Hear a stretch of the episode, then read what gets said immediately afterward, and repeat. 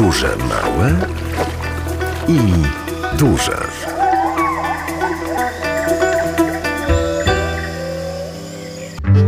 I tak oto, drodzy Państwo, nasza podróż, czy mała, czy duża, zobaczymy z której perspektywy tak naprawdę na nią spojrzymy, zabierze Państwa w czarowne miejsce, w Polesie. A przełom lata i jesieni na Polesiu to bez wątpienia jeden z najpiękniejszych okresów w całym roku.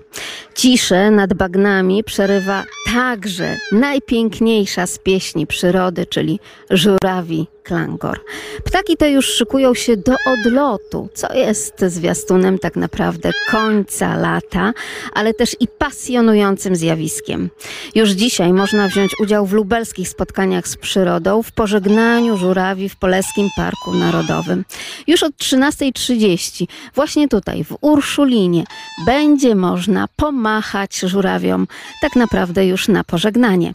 A nawet ci, którzy od wczesnych godzin porannych gdzieś tak raniutko wstali i zobaczyli nie tylko mgły nad bagnami poleskimi, ale przede wszystkim odlatujące żurawie, też już ich zaczynają żegnać. Proszę sobie wyobrazić, jakie to piękne okoliczności przyrody. Nasz wóz transmisyjny stoi pod dojrzałą już jarzębiną. Te grona niemalże dotykają naszej anteny satelitarnej, a pracujemy dzisiaj specjalnie dla Państwa w terenie. W niedzielę wyjechaliśmy w ten poleski teren, żeby poopowiadać o żurawiach, ale także o tym kończącym się, umykającym już lecie. Bo to przecież pierwsza wrześniowa niedziela, drodzy Państwo. Zapraszamy do naszego wspólnego spotkania i na antenie, i w realu, tutaj w Urszulinie przy hotelu Drop podczas spotkań lubelskich z przyrodą, pożegnanie żurawi w Poleskim Parku Narodowym. Te dostojne i piękne ptaki zapraszają Państwa i my również zapraszamy. Wszyscy ci, którzy dzisiaj będą pracowali na rzecz naszego programu. Michał Dyrka, realizator wozu transmisyjnego, a także z Lublina Bogusław Wichrowski. No i oczywiście te żurawie, które tak jak Państwo słyszą, odzywają się raz ciszej, raz głośniej, po to, żeby też dać znać o sobie. Magdalena Lipiec-Jaremek, mówię Państwu dzień dobry i do zobaczenia tuż przy odlatujących żurawiach.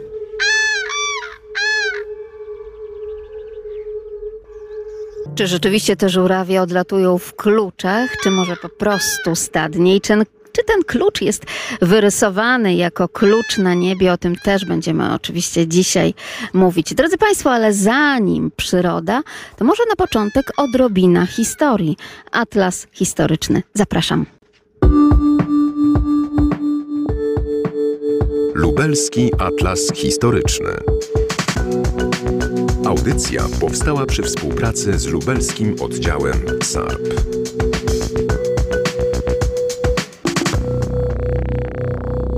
Widzicie sami Państwo, jak ciężko w tym leśnym krajobrazie dostrzec te obiekty, którym poświęcimy dzisiaj jeszcze spotkanie. Archeolog Grzegorz Mączka, Wojewódzki Urząd Ochrony Zabytków w Lublinie. Lublinie. A także Miejski Konserwator Zabytków Hubert Mącik i przedstawiciel Stowarzyszenia Architektów Polskich Bartłomiej Kożuchowski. I dziś oglądamy kurhany. Kopce czy kurhany już rozpoznawane jako formę mogił w XVII wieku. Natomiast pewnego rodzaju przełomem w badaniu tego rodzaju zabytków archeologicznych była nowa metoda, polegająca na analizowaniu terenu i w odnajdywaniu tego typu form dzięki tak zwanemu lidarowi. Ta nowa metoda umożliwia jakby archeologom wejść na nowo do lasu i odkryć tych obiektów naprawdę sporo. Bo lidar zdejmuje jakby to wszystko, co jest na ziemi i pokazuje ukształtowanie. Tak, te niewielkie, te niewielkie różnice w formie, ukształtowaniu pozwalają nam dostrzegać nawet obiekty, które się charakteryzują niewielkimi rzędnymi. Ale tutaj akurat nie będzie problemu, bo ten obiekt, przed którym stoimy, jest jednym z największych w tym lesie. Patrząc na lidar, bo tak właśnie otworzyliśmy sobie na telefonie zdjęcie laserowe i widać też dookoła tak jakby zagłębienie, które być Który to może jest ten, to ten? jest ten środkowy. Tu akurat są trzy w dużych rozmiarach, chyba jedne z największych w ogóle w regionie. Czy Jedne z większych obiektów. Już nie mówię o tym terenie wokół Lublina, ale w ogóle na terenie Lubelszczyzny. A co do tego rowka, to może uzupełnię, że ten rowek jest też pewnego rodzaju wyróżnikiem tych obiektów. Ich obecność pozwala jakby potwierdzić, że ta forma ma pochodzenie antropologiczne. Dlatego, że rowek jest świad- świadectwem miejsca pobierania materiału ziemnego, e, który był wykorzystywany do usypania. Być może on też odgraniczał część sakrum od pozostałej, jakby wyznaczał przestrzeń pod e, pochówek, pod mogiłę. Tutaj warto wspomnieć też o sposobie w ogóle pochówku. W kurhanach ciało było zawsze nad ziemią, nad poziomem istniejącym. Kilka tysięcy lat i budowla z ziemi usypana się utrzymuje. I to jest właśnie dowód też na to, że każda ingerencja w ziemię, czy to jest y, wykop pod fundament budynku, czy to jest usypany kopiec, no pozostaje już na zawsze. Takich kurhanów, które są położone w obrębie lasu zębożyckiego al- albo inaczej w lesie Dąbrowa jest około 70. Występują najczęściej wzdłuż Doliny Bystrzycy. W takich kilku punktach mamy ich tutaj 8 takich cmentarzysk.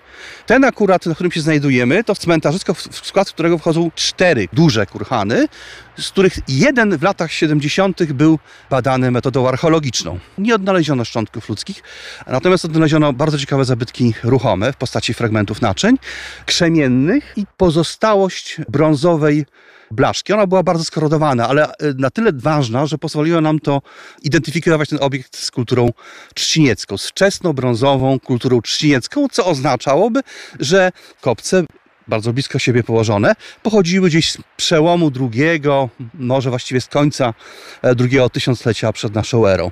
Czyli powiedziałbym najstarsze zabytki, które się znajdują w tej chwili na terenie Lublina. No ale bez pochówku? Zdarzały się też w okresach pradziejowych kopce, pod których składano, właściwie nie składano zwłok, my to nazywamy kanotafy, czyli pochówki symboliczne. Te kurhany zostały kilka lat temu przez Lubelskiego Wojewódzkiego Konserwatora Zabytków wpisane do rejestru zabytków archeologicznych. I w ostatnich dosłownie tygodniach podjęliśmy wspólnie z archeologami z Wojewódzkiego Urzędu Ochrony Zabytków e, zamiar oznaczenia tych e, kurhanów w terenie. Tablicami, które będą zawierały nie tylko niebieską tarczę, ale też e, zwięzłe informacje, żeby każdy, kto do tego miejsca dotrze, po pierwsze mógł się dowiedzieć, że nie jest to przypadkowy pagóreczek w lesie, ale właśnie jeden z najstarszych, widocznych w krajobrazie zabytków na terenie miasta, ale też ma to być oczywiście ostrzeżenie z punktu widzenia ewentualnych osób, które chciałyby w sposób nielegalny z zawartością tego kurhanu się zapoznać. Proszę zwrócić uwagę na to, że na kulminacji tego na, na naszego kurhanu są pozostałości ogniska, które powstało chyba całkiem niedawno, więc to widać ślady tutaj bytowania. Trochę mi to martwi, gdyż obecność e, palonego drewna na kurhanie troszkę nam archeologom, powiem tak kolokwialnie, miesza, dlatego że węgiel, który może wniknąć potem w strukturę tego nasypu, może zakłócić przyszłe badania. Grzegorz Mączka, archeolog, Wojewódzki Urząd Ochrony Zabytków, a także Miejski Konserwator Zabytków Hubert Mącik i przedstawiciel Stowarzyszenia Architektów Polskich Bartłomiej Kożuchowski. Stoimy na największym kurhanie w lesie w Dąbrowa, a my możemy tak tu stać? Miejsce Nadal- święte, pochówek może. Tak, oczywiście zalecane byłoby, żeby tego Lepiej nie obiektu wchodzić. lepiej nie wchodzić, ale na pewno nie, nie powodować żadnych jakichś e, zmian. Stały sobie te obiekty już kilka tysięcy lat, niech powstają kolejne. O kurhanach w naszym regionie porozmawiamy za tydzień. Lubelski Atlas Historyczny. Audycja powstała przy współpracy z lubelskim oddziałem SARP.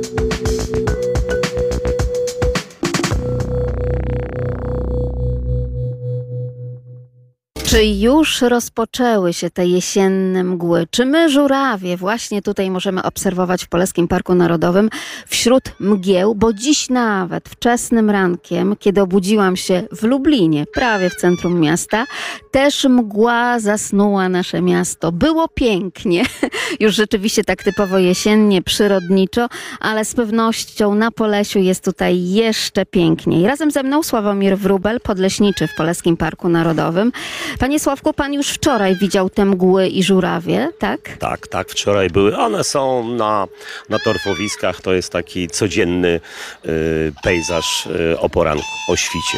Ten pejzaż, który pan uwiecznia na fotografiach, e, dzisiaj także ta wystawa tutaj przy hotelu Drop na placu pikniku ekologicznego podczas tego pożegnania żurawi. To zdjęcie, które widzimy, to zdjęcie, które aż zachęca nas do tego, żeby też również troszeczkę unieść dłonie, nawet nogi do tańca wraz z żurawiami. Tak, y, ten żuraw właśnie y, tańczy przed partnerką, popisuje się, podrzuca właśnie kukurydzę e, całą, całe źdźbło kukurydzy przed partnerką. W, no, w ten sposób chce się, chce się jej przypodobać.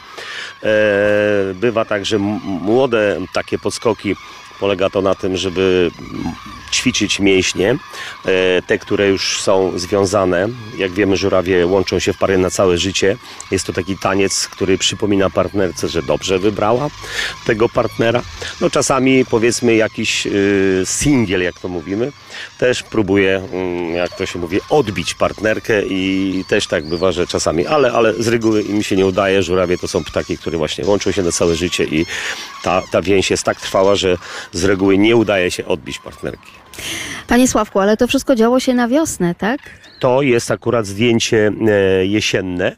E, Wiosną pary robią to, to jest takie właśnie przed odlotami e, też takie, takie tańce, ale wiosną one są jeszcze bardziej takie spektakularne. Spektakularne, tak. Odbywa to się tylko we dwoje, w takich naprawdę e, zacisznych miejscach, dość takich czasami niedostępnych, bo to gdzieś jest na jakimś lekkim wywyższeniu, ale otoczone dookoła wodą i tam właśnie ta para się podczas żerowania spotyka, dochodzi do tych tańców. E, oczywiście jest zadarcie głowy, wydawanie tego pięknego głosu, dochodzi do zbliżenia i przelot, przelot swojego e, terenu, w którym one są, sprawdzanie, czy ktoś tam nie chce im e, jakaś inna para, bo z reguły właśnie starają się, żeby na, na tym ich terenie była jedna tylko para. Ten żuraw, który obok nas stoi, nie jest to wprawdzie żywy żuraw, ale jak rozumiem, to jest wielkości naturalnej. Tak. Rysunek już na takiej deseczce, czyli możemy po prostu sobie zobaczyć taką ramkę, jak wygląda żuraw. Bardzo wysoki ptak. Najwyższy ptak, e, najwyższy ptak, nie największy, a najwyższy. Także na, jak mówię, zadrze tą głowę to nawet do metr 40. E, A zadziera niesamowicie pięknie, prawda? Tutaj Tak. mamy taką linię, e, nie tylko w tańcu, ale po prostu w tym jego dostojeństwie, bo to bardzo piękny ptak, taki, który genialnie prezentuje się człowiekowi. Tak, przekazach takich, e, jak kiedyś opisywano żurawia, jakie cechy on, e, jemu przypisywano, to są same dobre cechy. To jest ta wierność, miłość, dostojeństwo. Jedyną taką cechą, którą mu troszeczkę tak doklejano, że jest taki, łączony był z arystokratą, trochę taki, chodzi dumny. Wyniosły. Jak, wyniosły. Ale to tylko dlatego, e, że tak go postrzegano, bo gdy on zadarł tą głowę i wydawał ten dźwięk i jego też ten spacer jest taki bardzo, bardzo taki spokojny, jak również jego lot. To jak widzimy inne ptaki, one niestety, no one, nie niestety, stety, po prostu muszą machać szybciej. Żuraw macha powoli. To jest właśnie taka, yy, nie darmo jest zresztą symbolem polskich linii lotniczych żuraw. I ten lot jest taki właśnie dostojny, spokojny, bez takich szybkich... Yy, yy, Rwanych ruchów. tak, tak, dokładnie. Prawda? Tak. Więc tutaj mamy wszystko niemalże takie przemyślane. Żeby wystartować, mówi się o tak zwanych dziewięciu krokach żurawia, czyli tyle trzeba, żeby e, mógł się rozpędzić. Nie, nie startuje od razu do góry, tylko się rozpędza. Pięknie to wygląda e, podczas startów na wodzie, kiedy on biegnie po tej wodzie. E, jest taki piękny rozbrysk i zaczyna startować. Ile godzin trzeba spędzić na bagnach, gdzieś w szuwarach, tutaj w Polskim Parku, w terenie po prostu, żeby poczynić takie drobiazgowe obserwacje, jakie dzisiaj Pan prezentuje w opowieściach naszym słuchaczom i również, żeby zrobić takie wyjątkowe zdjęcia. Te zdjęcia, takie zdjęcia, gdy chcemy zrobić, to no, wymagają trochę, no, Trochę więcej niż trochę. Trochę więcej niż trochę. Myślę, ja, ja bawię się e, z nimi już, tak, tak to kolokwialnie nazwę, około kilkudziesięciu lat, około 30. I jak to się mówi, jeszcze wszystkich zdjęć nie zrobiłem i na pewno nie zrobię, ale no trzeba tak wiedzieć, gdzie lądują. E, Trzeba robić takie rozeznanie, gdzie jest e, skoszone zboże, kukurydza, bo wiemy, że wtedy tam przylecą, ale czasami jest, jesteśmy, czekamy tam od czwartej rano, godzinę przed wschodem słońca, one wylądują 100 metrów dalej. Także ptak, którego tak na otwartej przestrzeni możemy tylko tak z moich obserwacji wynika 300 metrów. Dalej się nie da podejść. Jeżeli jedzie na przykład rolnik, jemu to nie przeszkadza. On wie, że to jest rolnik, on tutaj codziennie czy tam któryś raz z kolei. Ale jak jedzie fotograf, jedzie ktoś inny, od razu e, te nasze poza tym żurawie te lubelskie są bardziej puchliwe niż te inne w częściach polskie. 30 lat obserwacji żurawi. Co się zmieniło na przestrzeni tych lat? Jest, Czy nawet... ich, jest ich więcej. Tak myślałam, że właśnie to będzie pierwsza pana odpowiedź. Po prostu mamy więcej żurawia. Mamy więcej, mamy więcej. E, tutaj w Polskim Parku Narodowym stworzyliśmy im naprawdę e, park cały. E, stwarzają dogodne warunki właśnie do e, lęgów, do tego, żeby tak jak teraz mogliśmy wczoraj obserwować, liczyć e, te niedostępne bagienne tereny właśnie pozwalają na to, że podczas tych zlodowisk jesiennych mogliśmy obserwować tak jak wczoraj około 2800 sztuk. To jest naprawdę liczba imponująca. Wspaniała liczba i to wszystko świadczy o tym, że chcemy jeszcze bardziej te piękne ptaki po prostu poznawać. A z nami już kolejni goście, goście też związani z żurawiami. Zapraszam Fundację dla Przyrody, zapraszam Państwa serdecznie tutaj do naszych mikrofonów. To będą już informacje, drodzy Państwo, związane, skoro na Polesiu jesteśmy, to z Polesią właśnie. Panowie przychodzą do nas tym razem nie z fotografiami, ale nawet z samym filmem Fundacja dla Przyrody. Witamy serdecznie. Pan Marcin Polach, a także pan Kamil Stepuch. Proszę powiedzieć, dzisiaj będą Państwo pokazywali podczas pi- pikniku wszystkim uczestnikom, co dzieje i co działo się przez cały rok z Polesią, prawda? A jeszcze Polesie musimy też chyba przedstawić, jeszcze dla tych, którzy nie wiedzą. Kim jest Polesia? E, Czyli tak, e, Polesia jest e, młodym żurawiem, który wykluł się w zeszłym roku, także ma rok i trzy miesiące życia. Gdzie się wykluł, to E, Wykluł się w okolicach Polskiego Parku Narodowego, czyli w okolicach wsi Świerszczów mniej więcej. E, To jest ptak, który jest oznakowany urządzeniem śledzącym, nadajnikiem GPS-GSM. Oprócz Polesi e, jeszcze udało nam się w tym roku też dwa młode żurawie oznakować, więc w ramach naszego projektu trzy młode żurawie, jeden roczny, a dwa kilkumiesięczne e, możemy śledzić właśnie za pomocą tej nowoczesnej metody. Śledzimy, obserwujemy i duże zaskoczenie, prawda? Ostatni post, jaki Fundacja dla Przyrody na portalu społecznościowym Facebook zamieściła, polecamy Państwu śledzenie tych naszych lubelskich przyrodników i właśnie tego szlaku żurawi poleskich w mediach społecznościowych, jak również śledzenie naszego programu. Tutaj e, kłaniamy się naszej ekipie realizującej streaming także na Facebooku. Drodzy Państwo, zaskoczenie, bo okazało się, że Polesie to już pożegnaliśmy, tak? No tak, impreza się wpisała tak naprawdę, bo w tamtym roku Polesia miesiąc później odleciała. To był koniec września. A w tym roku no, dopasowała się do imprezy dzisiejszej, czyli pożegnanie żurawi. Trzy dni temu Polesia poleciała z powrotem na, na, na zimowisko. Wró- tak naprawdę trasa była podobna, chociaż e, Polesia wystartowała nie z Poleskiego Parku, to gdzie się urodziła, tylko, tylko najpierw z Chełmskiego, później podleciała właśnie po, w okolicach Roztoczeńskiego Parku.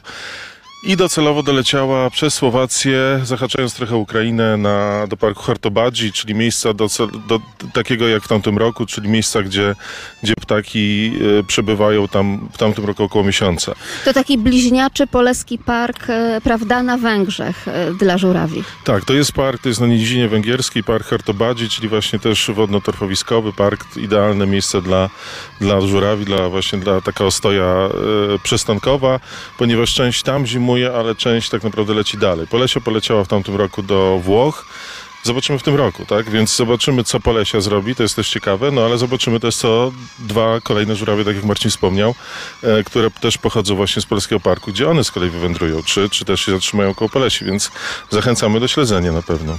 Śledzimy oczywiście Państwa działania. Dlaczego Państwo śledzą ptaki? Czyli dlaczego zakładamy im te nadajniki, te obrączki? Dlaczego to jest takie ważne? Czy ciągle jeszcze tak mało wiemy o tych ptakach? E, Tak, w dalszym ciągu jeszcze nie wiemy o nich wszystkiego, a chcielibyśmy wiedzieć o nich wszystko, ponieważ e, to jest nasza pasja, nasza, e, no, na, takie nasze zainteresowanie. Em, przede wszystkim pamiętajmy o tym, proszę Państwa, że e, świat się gwałtownie zmienia. E, Mam tu na myśli przede wszystkim nasz klimat. E, W ostatnich latach niestety mamy do czynienia z suszą, a żurawie to są ptaki związane z torfowiskami, z bagnami, więc one niestety nie mają zbyt łatwego życia w ostatnich latach e, i chcemy po prostu monitorować, śledzić ich populację, e, ponieważ no niestety specjaliści oceniają, że w najbliższych latach niestety los wszystkich tych ptaków wodnych, takich wyspecjalizowanych siedliskowo, które są związane z torfowiskami, z bagnami, no niestety nie jest e, optymistyczny, nie jest przedstawiany w jasnym, w jasnym świetle. Wręcz niektórzy eksperci wskazują, że żurawie i szereg innych gatunków ptaków wodno-błotnych będzie w najbliższych latach zanikać właśnie z tej części Europy. Także y, no, musimy jakby monitorować, na bieżąco śledzić, jakie są zagrożenia, bo pamiętajmy, że zagrożenia czyhają zarówno na lęgowiskach, czyli tutaj na Lubelszczyźnie, prawda, w Polskim Parku Narodowym, chociażby takie jak zmasowana turystyka, wycinka drzew, obniżanie poziomu lustra wody, drapieżnictwo, które jest naturalną przyczyną, ale pamiętajmy, że to wszystko modyfikuje działalność człowieka. Zobaczmy, jak się zmienia e, krajobraz rolniczy, jak się zmieniają e, uprawy. To wszystko powoduje, że ptaki mają coraz trudniej i jakby musimy jakby monitorować ten stan populacji. No a to samo jest e, w miejscach przystankowych, na trasach przelotu i na zimowiskach. My teraz się zastanawiamy, jak ta nasza biedna poleci, tam poleci do tych Włoch, gdzie są wiadomo pożary, susza, gdzie słyszymy, że delta Doliny Padu, gdzie ona zimowała w zeszłym roku, tam też właściwie, no wiemy, że dramatycznie jest niski poziom wody w ogóle we wszystkich rzekach, nie tylko w Polsce, a już czym bardziej na południe, tym gorzej. Więc tu jakby, no, tu naszym wielkim obowiązkiem nas przyrodników jest po prostu śledzenie, monitorowanie tego e, populacji, no i oczywiście wyciąganie wniosków i ostrzeganie rządzących, polityków, aby no, w jakiś sposób tutaj reagowali. No po to jest projekt tak naprawdę właśnie. To po to jest, żeby zebrać te informacje.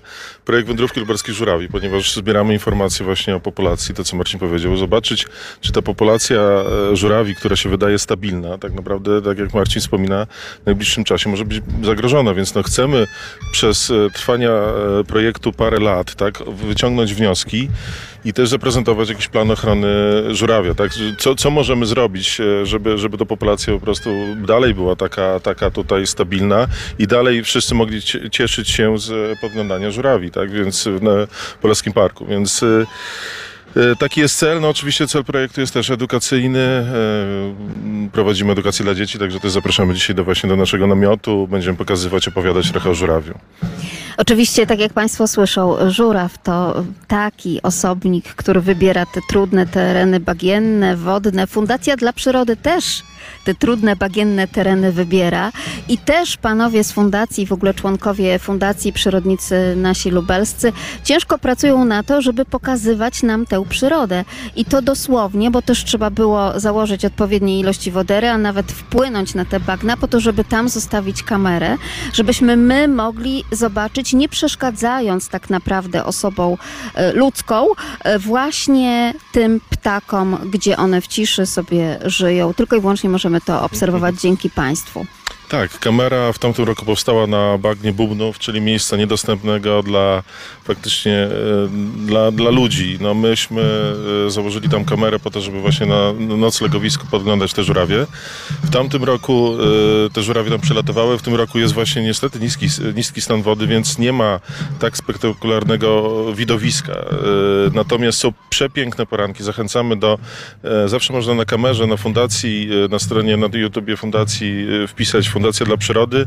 Tam mamy dwie transmisje i, i tam można właśnie, jeżeli się nic nie dzieje, przewinąć. Zachęcamy do piątej koło 30. Jest przepiękny wschód słońca. Natomiast mamy też drugą kamerę. Y, Postawiliśmy właśnie, żeby trochę uzupełnić to, co, co, co, co postawiliśmy właśnie na bagnie Bubnów, czyli to są łąki prywatne. Właśnie postawiliśmy kamerę na żerowisku i ta kamera, dzisiaj też będziemy chcieli pokazać ten obraz, tam te żurawie w dzień y, y, żerują, odpoczywają, więc tam też można będzie podejrzeć to, te żurawie, czy jedna, czy druga, na pewno coś ciekawego Państwo znajdziecie. Bez wątpienia. A panów takie najciekawsze spotkania z żurawiem w realu, niekoniecznie przez kamerę, Panie Marcinie? No tak, ja muszę przyznać, że w ogóle my zaczę, zaczęliśmy sezon w tym roku bardzo wcześnie z kolegą Markiem właśnie już w lutym zaczęliśmy przemierzać podmokłe lasy, łęgi, olsy Polskiego Parku Narodowego, ponieważ przypomnę, że żurawie bardzo wcześnie zaczynają lęgi, więc e, udało nam się znaleźć ponad 10 gniazd tego gatunku, więc przygód było co niemiara. Najczęściej były to przygody związane z wodowaniem, czyli kiedy woda się przelała nam przez wodery. Udało nam się na przykład znaleźć też martwego łosia, czaszkę z całym pięknym porożem. E, także no, są pozytywne emocje, czasami są też negatywne. Oczywiście te negatywne to są głównie wtedy, kiedy na przykład znajdziemy gniazdo, kiedy nam się wydaje, że jest w bezpiecznym, idealnym miejscu, a później na przykład obserwujemy, że jakieś drapieżniki, takie jak na przykład butniaki stawowe, puchacze, kuny leśne, po prostu plądrują te lęgi, zjadają czy jaja, czy, czy młode. No i wtedy oczywiście nasze serce wtedy płacze, bo tych żurawi rzeczywiście nie jest zbyt dużo tutaj na Lubelszczyźnie i widzimy, że ten sukces lęgowy jest niski. E, No i niestety one walczą, walczą o przetrwanie. Trochę próbujemy opiekować się tymi gniazdami, czyli jak widzimy, że tam jest jakaś wycinka nielegalna, jakaś e, turystyka, to oczywiście interweniujemy, czy w dyrekcji. No po prostu każdy młody żuraw, a jak już założymy w ogóle nadajnik na takiego młodego żurawia, to po prostu jak z dzieckiem. No, codziennie człowiek sprawdza i tylko się martwi, bo jak nie ma sygnału, to już człowiek myśli o tych najgorszych wizjach, że pewnie gdzieś martwy leży. Na przykład jedno gniazdo było w pobliżu drogi, dosłownie 70 metrów od y, drogi, gdzie po prostu codziennie jeździły samochody. I ta rodzina żurawi to była rodzice z dwójką młodych, które są nielotne, przypomnę, przez 10 tygodni. One przemieszczały tą drogę bardzo często, a tam wszyscy oczywiście pędzili ponad 100 km na godzinę. I my cały czas po prostu baliśmy się o te młode, czy one przeżyją. Już nawet raz była taka sytuacja, że szukaliśmy po prostu martwego na poboczu. Później się okazało, że na szczęście przeżył i właśnie lata i, i żyje. Także no niestety śmiertelność y, młodych ptaków w pierwszym roku życia jest bardzo duża. No, u bocianów to jest tak, że na 10 młodych bocianów 7 nie przeżywa pierwszego roku, bo one giną na liniach wysokiego napięcia, giną y, z powodu różnych czynników. Najczęściej niestety przez działalność człowieka. Także no to są takie właśnie emocje. Tak jak słyszę, emocje rodzicielskie, drodzy Państwo, jeżeli tylko Państwo mieliby ochotę na to, żeby spotkać się z przyrodnikami, chociażby z Fundacji dla Przyrody Marcin Polak, a także Kamil Stepuch i także również te walory edukacyjne, to oczywiście zachęcamy, zapraszamy, ale również, tak jak Państwo słyszą już w tle, nie tylko nasze odgłosy żurawi, ale także muzyka, która będzie rozbrzmiewała od godziny 14, zespół Retro Swing, ale także Szczebrzeska Kapela Podwórkowa i inni. To już to wszystko, co szykuje się na naszej scenie ekopikniku Pożegnanie z żurawiami. Jesteśmy na Polesiu.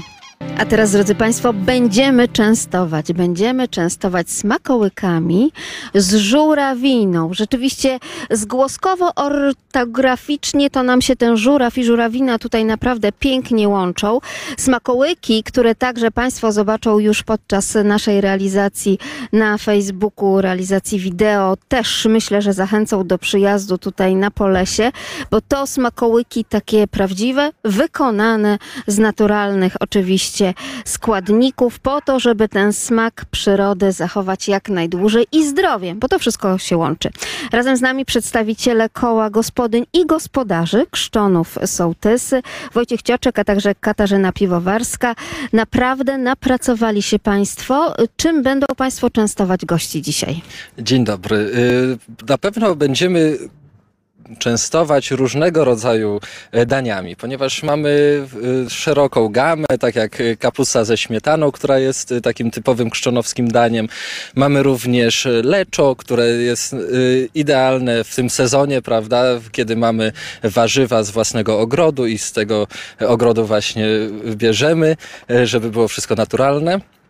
E, Mamy także e, zupę z podgrzybków, więc już gdzieś tam grzyby gdzie niegdzie się pojawiają. Niektóre to, e, tak jak my e, akurat e, zaczerpnęliśmy z ubiegłego roku grzyby, co prawda. No susza, niestety niesamowita. daje się we znaki, więc nawet do tych kulinariów tutaj pani kiwa głową, prawda? No jest problem, Trudno prawda? jest znaleźć, trudno jest znaleźć na razie. Jeszcze nie ma.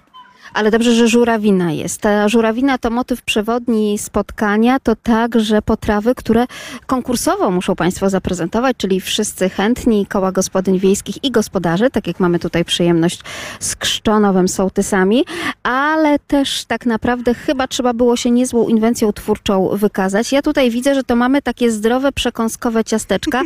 Idealnie by się nadały do kanaperek y, dla rodziców, którzy już teraz rozpoczęli wrzesień wraz z dziećmi i muszą się zastanawiać, co włożyć do śniadaniówki dziecku, żeby było zdrowo, ale też, żeby zechciało zjeść. Więc mamy takie ciasteczka zdrowe, w tym właśnie z tym dodatkiem żurawinki.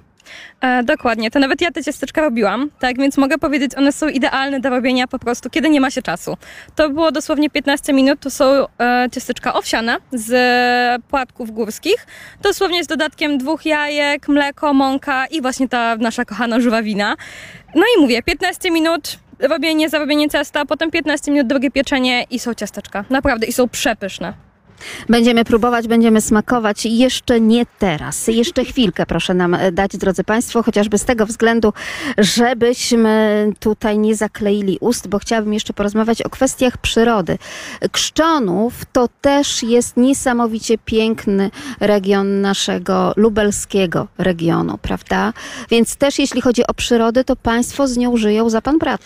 Za pan brat i nawet ostatnio y, robiliśmy Dzień Stroju Krzczonowskiego, pierwszy Dzień Stroju Krzczonowskiego, e, gdzie również było to na właśnie na y, łonie natury, można powiedzieć, ponieważ pomiędzy dwoma większymi wsiami y, znajduje się dosłownie maleńka, e, kiedyś to była wieś, dzisiaj już jest włączone pod naszą miejscowość i jest to osobna ulica, ale cztery gospodarstwa i tam pomiędzy tymi, w, w tej scenerii tych pól, łąk, lasów, tą imprezę y, organizowaliśmy, to też dało y, taki klimat nie tylko y, ludowy, y, o który nam chodziło, ale również swojski, klimatyczny, krajobrazowy, ponieważ no, nasz Krzonowski Park Krajobrazowy jest, można powiedzieć, takimi, taką namiastką troszeczkę Bieszczad, gdzieś tam y, jakby ktoś chciał troszeczkę po pagórkach pochodzić, czy takiego roztocza, przedproże roztocza, więc zapraszamy bardzo serdecznie y, zobaczyć szlaki, y, gdzie jest rezerwat przyrody Chmiel, rezerwat przyrody y, Las Królewski i naprawdę piękne ścieżki, piękne drogi, jeszcze zachowane, gruntowe, gdzie można rowerem, można troszeczkę krosowo pojeździć y, i jest wiele innych atrakcji, które y, również zabytki, które, y, którymi się szczycimy i chcemy jak najbardziej promować. A nad tym krzczonowskim niebem też przelatują klucze żurawi? Oczywiście i wyglądamy bardzo często tak jak y, u mnie na wsi y, życie wygląda w ten sposób, że mamy duży taras. Na tym tarasie spotykamy się z sąsiadami. Pijemy kawę z rana, kiedy y, właśnie obserwujemy również przyrodę, bo to y, właśnie to jest piękno mieszkania na wsi, kiedy możemy zaobserwować przyrodę gdzieś w mieście, te szumy, Światła pęd też. świata, gdzieś nam tego nie, nie pozwalają nawet zobaczyć gwiazd nocą w Lublinie, a, a, a na wsi jest, y, wystarczy 30 kilometrów odjechać i jest po prostu całkowicie inny świat, inne powietrze, inne widoki i inny nawet, y, inne głosy można usłyszeć.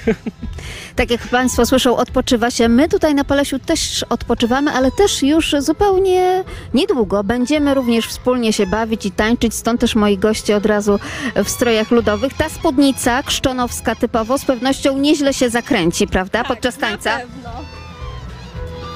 No i mamy ten ruch, mamy ten taniec. Po prostu pozostaje nam zaprosić Państwa i na smakołyki, nie tylko tego koła gospodyń i gospodarzy wiejskich, ale także wszystkich innych, którzy już rozpoczęli rozstawianie stoisk i zapraszamy Państwa do tej wspólnej zabawy. No i oczywiście będziemy też gdzieś hen hen daleko tam ponad chmurami spoglądać, czy nie przelatuje już jakiś klucz żurawi.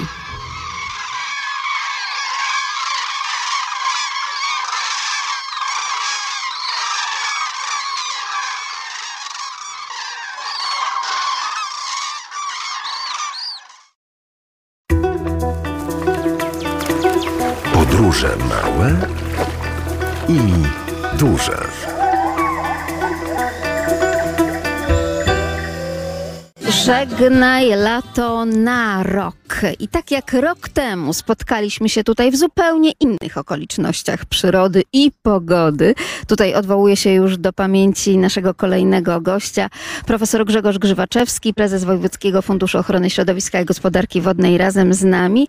To były inne okoliczności przyrody i pogody, ale rok po spotykamy się, też jest inaczej, ale też żegnamy lato i oczywiście machamy na pożegnanie żurawiom.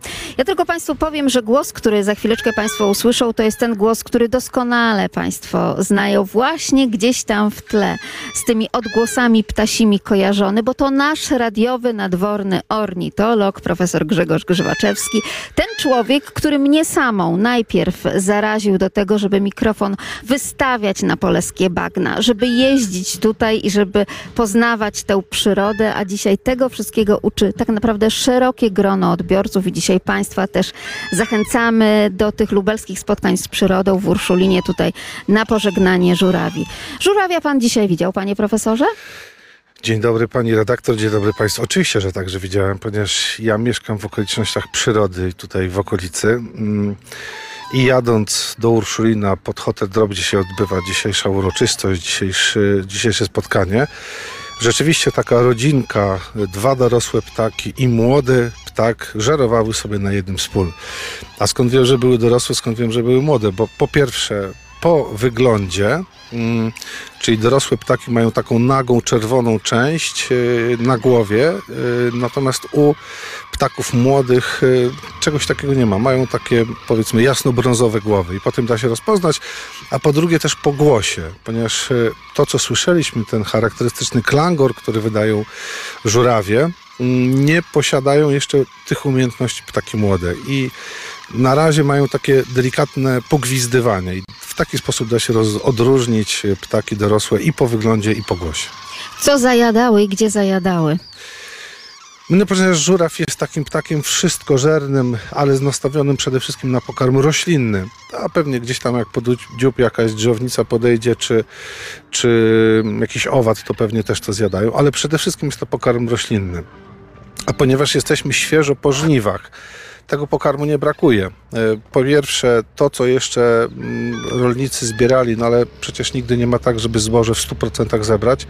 Trochę tych nasion zostaje, więc na tym żerują. E, Poza tym są już e, pierwsze prace mm, polowe, czyli najpierw się je albo kultywuje, albo specjalnym agregatem traktuje, potem orze. No i cały czas jak uruchamiamy glebę, to w tej glebie mamy drzewnicę, mamy owady, mamy też pokarm tego typu i plus do tego jeszcze, jeszcze pokarm roślinny. Dzięki temu, że to są pierwsze zabiegi, już część nasion, które e, były jeszcze, e, zaczęły kiełkować. No i tym wszystkim, co znajdą, odżywiają się. To są przede wszystkim pola, ale również żerują na łąkach.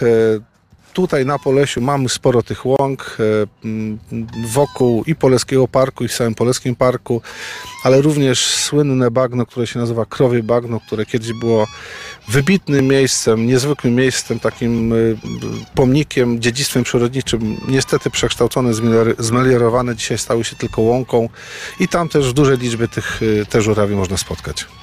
Panie profesorze, dzisiaj żegnamy żurawie, ale czy to oznacza, że na to nasze hasło na transparentach zamieszczone, że to jest tak, takie lubelskie spotkania z przyrodą i pożegnanie żurawi, to one też o tym wiedzą? Czy do nich ta informacja z portali społecznościowych dotarła, że dzisiaj mają się pożegnać? Czy jeszcze jest szansa na to, żeby przyjechać w kolejny piękny wrześniowy weekend tutaj na przykład z rodziną i jeszcze zobaczyć te odlatujące, czy też szykujące się do wędrówki żurawie? Jak przyglądam się, ten mikrofon ma, ma pewien symbol, tak? Każda instytucja, firma, nawet Logo ma. my, my sami mamy pewien symbol, logo i to, że dzisiaj spotykamy się w taki w sposób w, w Urszulinie, żeby żegnać żurawie, to raczej jest to symbol. Tak, żeby zachęcić e, osoby, które chciałyby pobyć w tej przyrodzie, chciałyby się trochę o tych żurawiach więcej dowiedzieć, no to stworzona została taka inicjatywa. Natomiast tak naprawdę, gdybyśmy chcieli żegnać żurawie, to my możemy już się zacząć żegnać od końca lipca i tak naprawdę nawet jeszcze do listopada, ponieważ e, część ptaków e, kończy lęgi już w, pod koniec lipca zaczyna się zlatywać. Tylko oczywiście nie w, takim, y, w takich dużych ilościach, w takiej dużej liczbie. A potem sukcesywnie sierpień, no i właśnie wrzesień, połowa września, to jest taka kulminacja liczby ptaków, które się tutaj zlatują. To są takie rzędu dwóch, nawet do trzech tysięcy ptaków, więc proszę sobie to wyobrazić, jeśli będziemy na ścieżce Czachary, to jest najlepsze miejsce do obserwacji żurawi, powiedzmy dwie godziny przed zachodem słońca, to, to sukcesywnie będą te żurawie się zlatywały stadami, będą w kluczach y, zlatywały się z okolicznych y, pól i łąk, po to, żeby na bagnie bubnów y, bezpiecznie wylądować i potem bezpiecznie przenocować. I pogoda tutaj nie ma zbyt dużego wpływu, bo tak jak zaczęłam naszą rozmowę rok temu, tak naprawdę mieliśmy dosyć znaczne opady deszczu przez te dwa dni pożegnania żurawi. Co więcej, było bardzo zimno i mokro, prawda? Dzisiaj przyświeca nam słońce.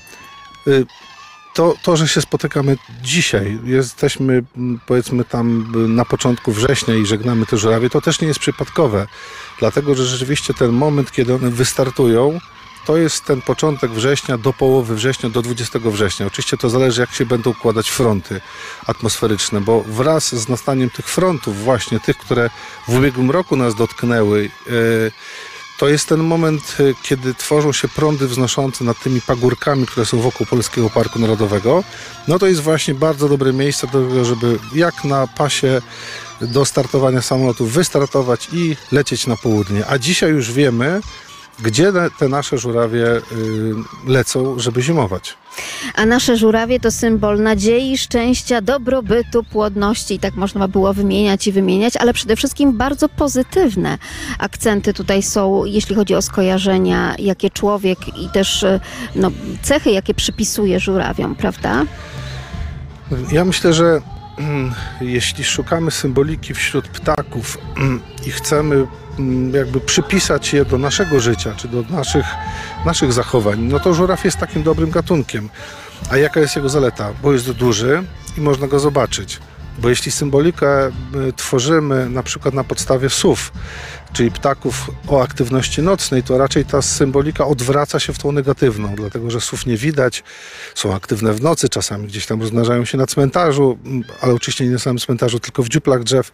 No i wtedy ta symbolika jest mniej pozytywna. A tutaj żuraw, duży ptak, y, duża rozpiętość skrzydeł, no sam najwyższy ptak spośród naszych wszystkich ptaków, tak ponad tam metr 25, to już jest y, spory, spory osobnik, spory ptak, którego można rzeczywiście zobaczyć i wtedy się przekonać. No oczywiście samo zachowanie, ten niezwykły taniec w okresie godowym, ale jeszcze o tej porze, ponieważ y, ptaki Y, no, nie mają takich zegarków, nie mają kalendarza, na nie działają pewne czynniki środowiskowe, potrafią się tak zachowywać tak samo jak wiosną, czyli tańczyć wokół siebie, przynosić materiał na gniazdo, odzywać się, tak? Czyli ten klangor również o tej porze się będzie u nich pojawiał. A my już mamy taki ludzki klangor ze sceny, czyli przygotowania chociażby zespołów do tego, żeby no, z wielką pompą pożegnać te żurawie, żeby spotkać się i porozmawiać o przyrodzie, bo chyba to jest ważne i cenne. Jak pan zauważa, panie profesorze, przez te trzy lata spotkań coraz więcej chętnych osób, żeby wstać na piątą, tak? I, i wyjść o 5.30, zobaczyć te żurawie na zlotowiskach? Gdybym mógł, to ja bym poprosił panią e, redaktor, żeby pani mnie uszczypnęła, bo ja sam w to nie wierzę, że to już jest trzeci raz, że ta e, impreza się w taki sposób świetnie rozwija, coraz więcej osób, coraz więcej instytucji i, i patronów, którzy przyświecają tej, tej inicjatywie. Tylko się cieszyć i, i mam nadzieję, że tylko będzie w przyszłym roku i w kolejnych latach będziemy się też tutaj spotykać. Skoro już wspomniał Pan, Panie Profesorze, że są goście, to ja zapraszam kolejnych gości. Drodzy Państwo, nasze mikrofony do Państwa dyspozycji. Zapraszamy przedstawicieli kolejnych instytucji. Mamy jeszcze raz Fundację dla Przyrody, ale mamy także region, Regionalną Ochronę e, Środowiska. Witamy serdecznie. Panie Dyrektorze, proszę bardzo, nasz żuraw tutaj zaprasza do stolika Pana. E, chcemy oczywiście porozmawiać o kwestiach związanych również e, z ochroną. Pan dyrektor Arkadiusz Iwaniuk, Regionalna Dyrekcja Ochrony Środowiska w Lublinie. Proszę powiedzieć, jak chronić tego ptaka? Ciągle jeszcze z roku na rok chyba się tego uczymy, prawda? I po to też go monitorujemy, żeby go jak najlepiej chronić. Dzień dobry Państwu. E, tak, oczywiście uczymy się ochrony przyrody nie tylko odnośnie żurawi, ale odnośnie całej przyrody wszystkich gatunków. I co ciekawe, ta przyroda nas zaskakuje. Czasami zaskakuje nas swoją delikatnością, a czasami właśnie taką swoją siłą, bo mm, wydaje się niekiedy, że pewne gatunki czy siedliska będą ustępować, a one odtwarzają się i dokładnie nawet nie wiemy czasami dlaczego. I jeszcze mówimy tutaj bardzo często o takich zależnościach, prawda? Bo chroniąc jakiś jeden gatunek, niemalże rozściełamy taki parasol ochronny nad wszystkimi innymi, Tak, prawda? pięknie powiedziane. Tak się właśnie mówi, że wiele gatunków jest takim, jest gatunkami parasolowymi, właśnie takimi, które tworzą nam dobre siedlisko, bo jeśli chronimy żurawia, no musimy chronić jego siedlisko, czyli e, podmokłe łąki, torfowiska, e, obszary, które jeśli będą dobrze użytkowane, dobrze chronione, to będą służyć wielu innym organizmom.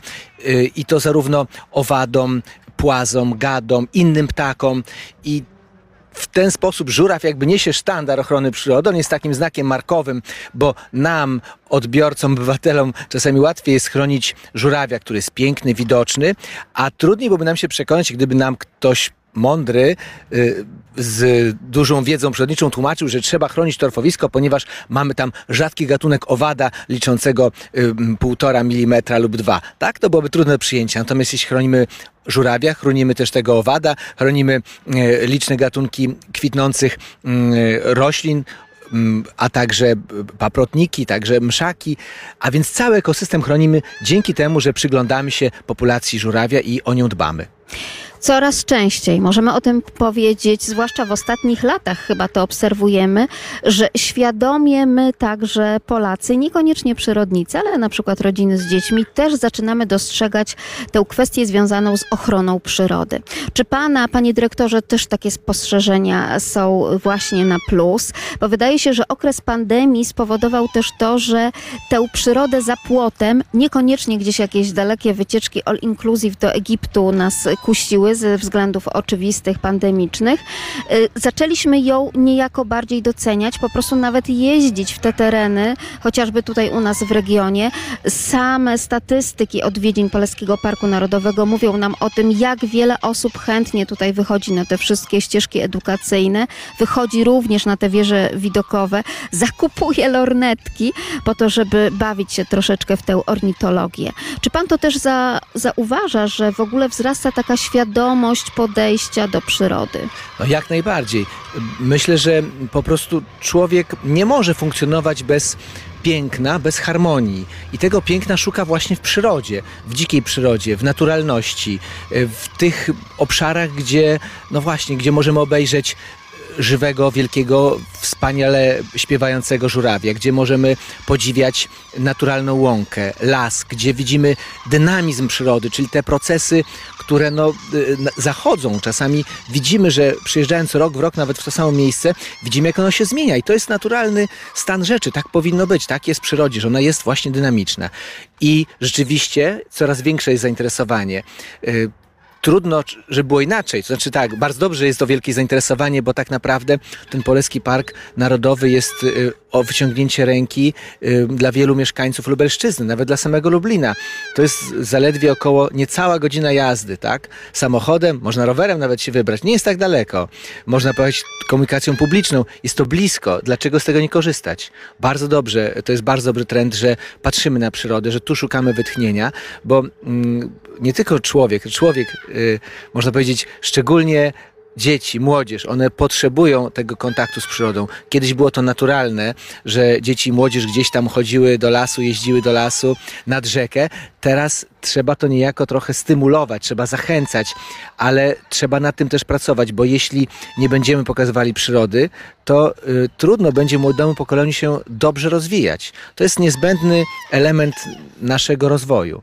Panie dyrektorze, pokazywali przyrodę, ale też edukowali. Wydaje się, że ta edukacja na każdym etapie wieku i rozwoju, bo nie mówimy tutaj tylko o edukacji przedszkolaków czy dzieci szkolnych, y, ale również tej starszej młodzieży, jak i samych seniorów. To też jest bardzo taka wdzięczna grupa, która chętnie podejmuje te tematy przyrodnicze, chociażby uniwersytety trzeciego wieku, po prostu kluby senioralne. Oni chętnie także pukają również do Państwa po tę garść edukacji.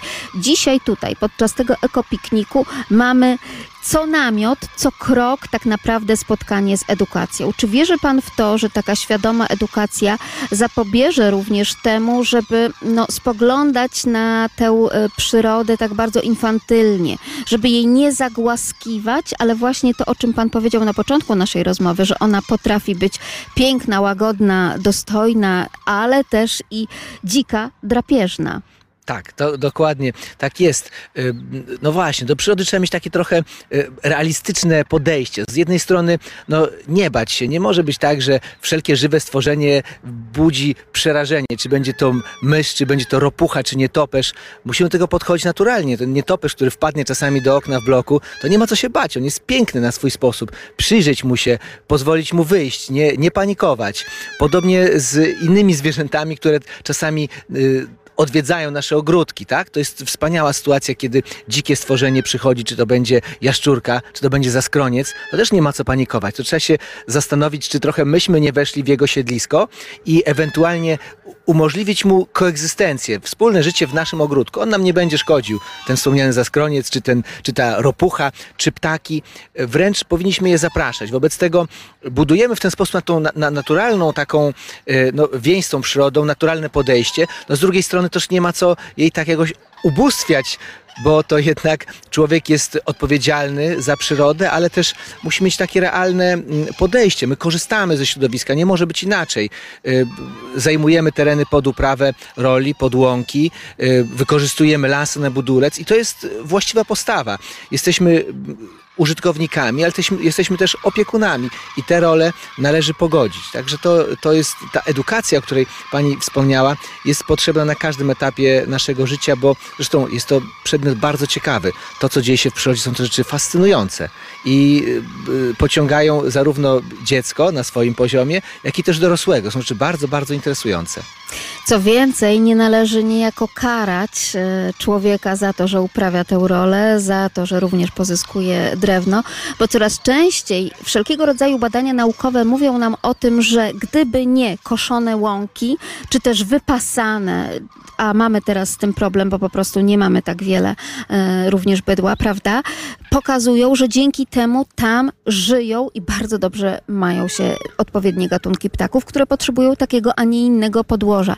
To nie jest tak, że ślepo powinniśmy w tej ochronie przyrody pozostawić wszystkie tereny zupełnie niedotknięte ręką ludzką. No nie, nie, oczywiście, że nie. Przecież ta nasza przyroda kształtuje się już od tysiącleci, to wielu tysiącleci w kontakcie z człowiekiem. Właśnie te tereny otwarte, to w naturze swojej, gdyby nie było ingerencji człowieka, to byłoby ich bardzo niewiele. One po prostu zanikałyby, zarastały. A dzięki temu, że jest stała taka ekstensywna działalność, to pozwala na utrzymanie takich zbiorowisk, takich siedlisk, których normalnie nie ma. Dzięki temu mamy na przykład em, łąki pełne storczyków, dzięki temu mamy ptaki, które znajdują miejsce do żerowania e, na terenach właśnie otwartych.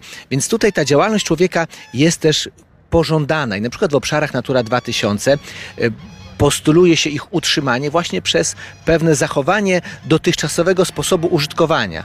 A więc nie wycofujemy się, nie, wręcz przeciwnie, y, nadal y, działamy, zachowując ten, ten pewien wpływ człowieka. Tu mogę jeszcze powiedzieć, że w historii ochrony przyrody y, no, były popełniane pewne takie błędy. Mniej więcej jeszcze w 70 latach ub- ubiegłego wieku uważano, że jeśli chcemy chronić, to najlepszą ochroną jest ochrona ścisła. I tak było na przykład w przypadku y, y, susła perukowanego, tam gdzie były jego rezerwaty. Jakby wyganiano pasterzy, wyganiano krowy, po czym się okazywało, że no niestety one zarastają, te obszary zarastają i suseł tam ginie. Nie może tak być. Właśnie suseł potrzebuje, na przykład ten suseł, już odeszliśmy trochę od żurawia, potrzebuje wypasu, potrzebuje towarzystwa krów czy chociażby owiec po to, żeby się utrzymać. A więc też no, z przyrodą trzeba być takim y, rozumnym. Nie można mm, podejść w jakiś taki sposób doktry, doktrynalny do, do pewnych zagadnień. Trzeba ją obserwować i trzeba uszanować to, co było robione. A wszelkie y, zmiany no, y, robić bardzo, bardzo ostrożnie. Tego się uczymy, tego uczymy się również podczas tych spotkań z żurawiami, podczas pożegnania żurawi i spotkań lubelskich z przyrodą w Urszulinie. Nasz głos takiego mądrego człowieka, który teraz Państwo usłyszeli, to jest głos skierowany do naszych wszystkich słuchaczy. Arkadiusz Iwaniuk, Regionalna Dyrekcja Ochrony Środowiska. Pan dyrektor, bardzo serdecznie dziękuję za tę Dziękuję rozmowę i za właśnie takie rzetelne spojrzenie również na tę ochronę przyrody. Zapraszamy Państwa, bo żurawie ciągle gdzieś tutaj nad nami krążą. Na pewno również pojawią się tuż wieczorem i tuż e, przed samą e, kulminacją naszego spotkania. A przecież będziemy tutaj w przyrodzie, ale również we wspólnej takiej ludzkiej zabawie. Muzyka już też szykuje się ze sceny. Spoglądamy oczywiście w niebo i wypatrujemy, czy gdzieś te klucze żurawi się pojawią, a spoglądamy wraz z gośćmi. Beata Mazurek, europosłanka, bywalczyni, ale przede wszystkim no, mieszkanka też tych terenów poleskich, ta, która żurawie z pewnością widuje na co dzień. Dzień dobry Pani europoseł. Razem z nami także Zdzisław Szwed, wicemarszałek województwa lubelskiego. Czy Państwu już dzisiaj udało się zobaczyć żurawie? Ja słyszałam tylko, bo rzeczywiście, tak jak pani powiedziała, e, jestem tu od wczesnej wiosny do późnej jesieni e, dosyć e, częstym bywalcem. E, e, Mam tutaj niedaleko działkę i na tej działce nieustannie słychać klangor żurawi. Przypomnę, klangor to taki dźwięk trochę trąbki. Ale ten czas i ta pora to jest rzeczywiście okres, gdzie można zobaczyć mnóstwo żurawi tworzących piękne klucze, bo one zbierają się już koło odlotowi. Albo na wiosnę, kiedy żerują na przykład na polach kukurydzy. To też jest, e, to też jest przepiękny widok, bo tych żurawi są setki. Żuraw tak naprawdę dla Pani to symbol, to tak naprawdę jaki ptak w takim opisie i pierwszym odczuciu? Pierwsze skojarzenie. E, Wie pani, no ja jestem zafascynowana żurawiem. Wszyscy w Polsce e, lubimy bociany, no bo w tradycji jest zakorzenione, że Polska to bocian, ale odkąd zaczęłam bywać na terenie Polskiego Parku e, Narodowego, to zachwyciłam się żurawiami, ponieważ one są przepiękne, one są niezwykle dostojne, niezwykle też płochliwe, ale zacytuję e, słowa współczesnego poety mm, Andrzeja Poniedzielskiego, który powiedział coś taki, napisał coś takiego, że jedyny ważny klucz w jedynie słusznej sprawie tworzą żurawie. Powtarzam to jak mantrę, bo rzeczywiście coś w tym jest. E, a przede wszystkim te dźwięki, te ich krzyki, e, no to, to jest takie coś niecodziennego i dla ucha, i dla oka. I myślę, że warto o tym mówić w tym miejscu, warto to promować z kilku powodów. Po pierwsze dlatego, że em, perełką Lubelszczyzny jest między innymi Pole, Poleski Park Narodowy, który w swoim herbie em, ma żurawie i ja myślę, że to jest e, jedyna, jedna e, z wielu rzeczy, którą warto w tej części Lubelszczyzny promować o tej, em, i o tym e, mówić przy okazji różnego rodzaju wydarzeń i tak jakby mam nadzieję, że to wydarzenie wpisze się, wpisze się na stałe e, w kalendarz cyklicznych imprez województwa e, lubelskiego. Panie Marszałku, bo tutaj mówimy również o kwestii związanej z edukacją, prawda? I z tą chęcią coraz częściej całego społeczeństwa poznawania wiedzy przyrodniczej, poznawania samych żurawi i przyrody Poleskiego Parku. To wydaje się, że to jest ogromna wartość e, takich ostatnich lat, prawda? Tak, rzeczywiście, no bo w tym roku mamy trzecią edycję takiego programu Pożegnanie Lubelskich Żurawi. My tutaj razem z Parkiem, y, Polskim Parkiem Narodowym i Wojewódzkim Funduszem Ochrony Środowiska i Gospodarki Wodnej y, jesteśmy organizatorami. Jaki jest cel? No przede wszystkim edukacja właśnie ekologiczna młodzieży, dzieci, dorosłych, a również promocja naszego województwa, właśnie ta promocja przyrodnicza. Bardzo byśmy chcieli mm, i w tym kierunku y, zdążamy, żeby żuraw y, lubelski, tak jak y, żubr na Podlaskim, stał się wizytówką naszego województwa. Przepiękny, majestatyczny ptak. Ja w przeciwieństwie do pani marszałek nie słyszałem go dzisiaj, bo dopiero niedawno przyjechałem, ale często tutaj bywam, nie mieszkam w tym terenie, mieszkam w Chełmie, ale często bywam na rowerze, więc ta ścieżka Mietiółka y, czy inne obszary Polskiego Parku, gdzie się przemieszczam, więc często widuję y, żurawie. Widuję również też w okolicach Chełma. Także no, jest to przepiękny ptak i naprawdę powinniśmy zrobić wszystko, żeby to był właśnie symbol naszego województwa, naszego regionu. Pamiętajmy też o tym, że żurawie to takie ptaki, które już jeśli łączą się w pary, to są e, ze sobą do końca, więc mam nadzieję, że dopóki te żurawie będą tutaj na Polesiu, dopóki, będzie, dopóki będzie Poleski Park Narodowy, to ta impreza rzeczywiście będzie, bo ja uważam, że trzeba wykorzystywać każdy element naszego województwa do tego, żeby, e, żeby, żeby się promować, żeby pokazać to piękno, które jest. A dzisiaj mamy nie tylko przyrodę, ale mamy też kulinaria, kulinaria różnego rodzaju konkursy z, e, z użyciem żurawiny, są zabawy dla dzieci, więc jeśli Państwo nie macie zaplanowanej niedzieli, to zapra zapraszamy do Urszulina, do urokliwego miejsca, do hotelu Drop, gdzie mnóstwo atra- atrakcji dla oka, dla żołądka, dla dorosłych i dla dzieci. I to nam się tak pięknie tutaj łączy, prawda? Kwestia związana z przyrodą, ale także z tą obecnością w przyrodzie człowieka. Czyli również to, że Państwo zaplanowali, tak jak rokrocznie, zabawę dla wszystkich chętnych, bo mamy również i spotkania z muzyką, a także z tym smakołykiem z żurawiną, o którym wspomniała pani europosłanka, ale też ta chełmszczyzna, o której pan tutaj powiedział, bo przecież wiemy, że przecież nasz żuraw to ptak wędrowny, ale też lubi te torfowiska węglanowe, chociażby na chełmszczyźnie, czyli to są kolejne tak naprawdę tereny, a my w tej audycji promujemy w podróżach małych i dużych właśnie także tereny w naszym regionie, piękne i chętne do tego, żeby zaprezentować się szerszej publiczności, ale również uświadomić mieszkańcom, w jakim wyjątkowym terenie żyją, prawda? Stąd też ten szacunek do przyrody. Rzeczywiście my razem z Fundacją Lubelską Przyrody prowadzimy taki projekt, że w tamtym roku y, na jednej żurawic o imieniu Polesia założyliśmy nadajnik G- y, GPS, więc śledziliśmy jej tutaj pobyt, y, żerowanie na terenie samego Poleckiego Parku czy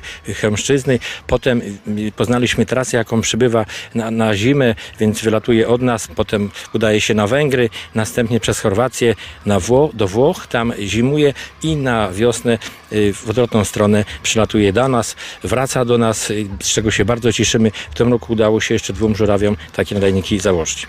Trzymamy kciuki za Polesie i także z dziką radością śledzimy te wędrówki. A tutaj warto wspomnieć o tym, że na to po prostu Państwo przeznaczają pieniądze, konkretne fundusze. To nie jest tania sprawa.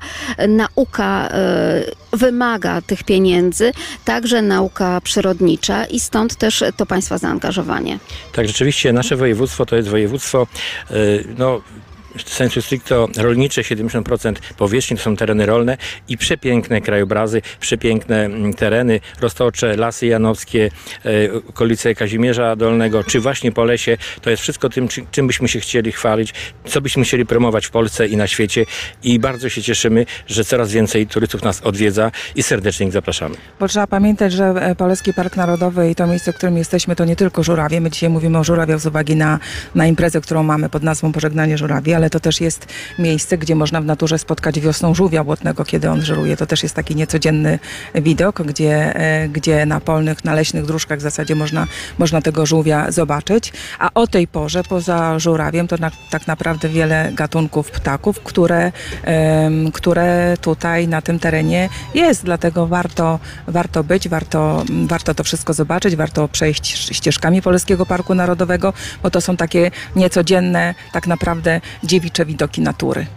I oczywiście te zlotowiska, które będziemy wraz z naszymi gośćmi obserwować aż do późnych godzin wieczornych, bo to wtedy tak naprawdę ta dzika przyroda się uaktywnia. Czyli świt i późny wieczór, niekoniecznie takie no, miłe tak, dla, dla tych, którzy lubią y, dłużej pospać, bądź też po prostu wypocząć y, czasookresy, ale to jest taki teren, taki teren przyrodniczy, który po prostu zachęca. My jesteśmy tutaj razem z Czasami Państwem. warto wstać skoro świt. Tak. I nie tylko ta kawa we mgłach, ale przede wszystkim to, co możemy odkryć w przyrodzie. Więc drodzy Państwo, my mamy oczy i uszy szeroko otwarte na to, żeby podziwiać przyrodę wraz z naszymi gośćmi. Beata Mazurek, europosłanka, mieszkanka Polesia, ale także Zdzisław Szwed, wicemarszałek województwa lubelskiego. Są razem z nami. Takiego żurawi lot to i ten klangor, który zwiastuje po prostu, drodzy Państwo, pożegnanie. Nie tylko pożegnanie żurawi, które będzie dzisiaj do późnych godzin wieczornych tutaj w Urszulinie, na terenie Polskiego Parku Narodowego, ale także nasze pożegnanie z tą relacją i z tym programem na dziś. Magdalena Lipiec-Jaremek, mówię Państwu do usłyszenia, szykuję lornetkę i po prostu idę podglądać żurawie.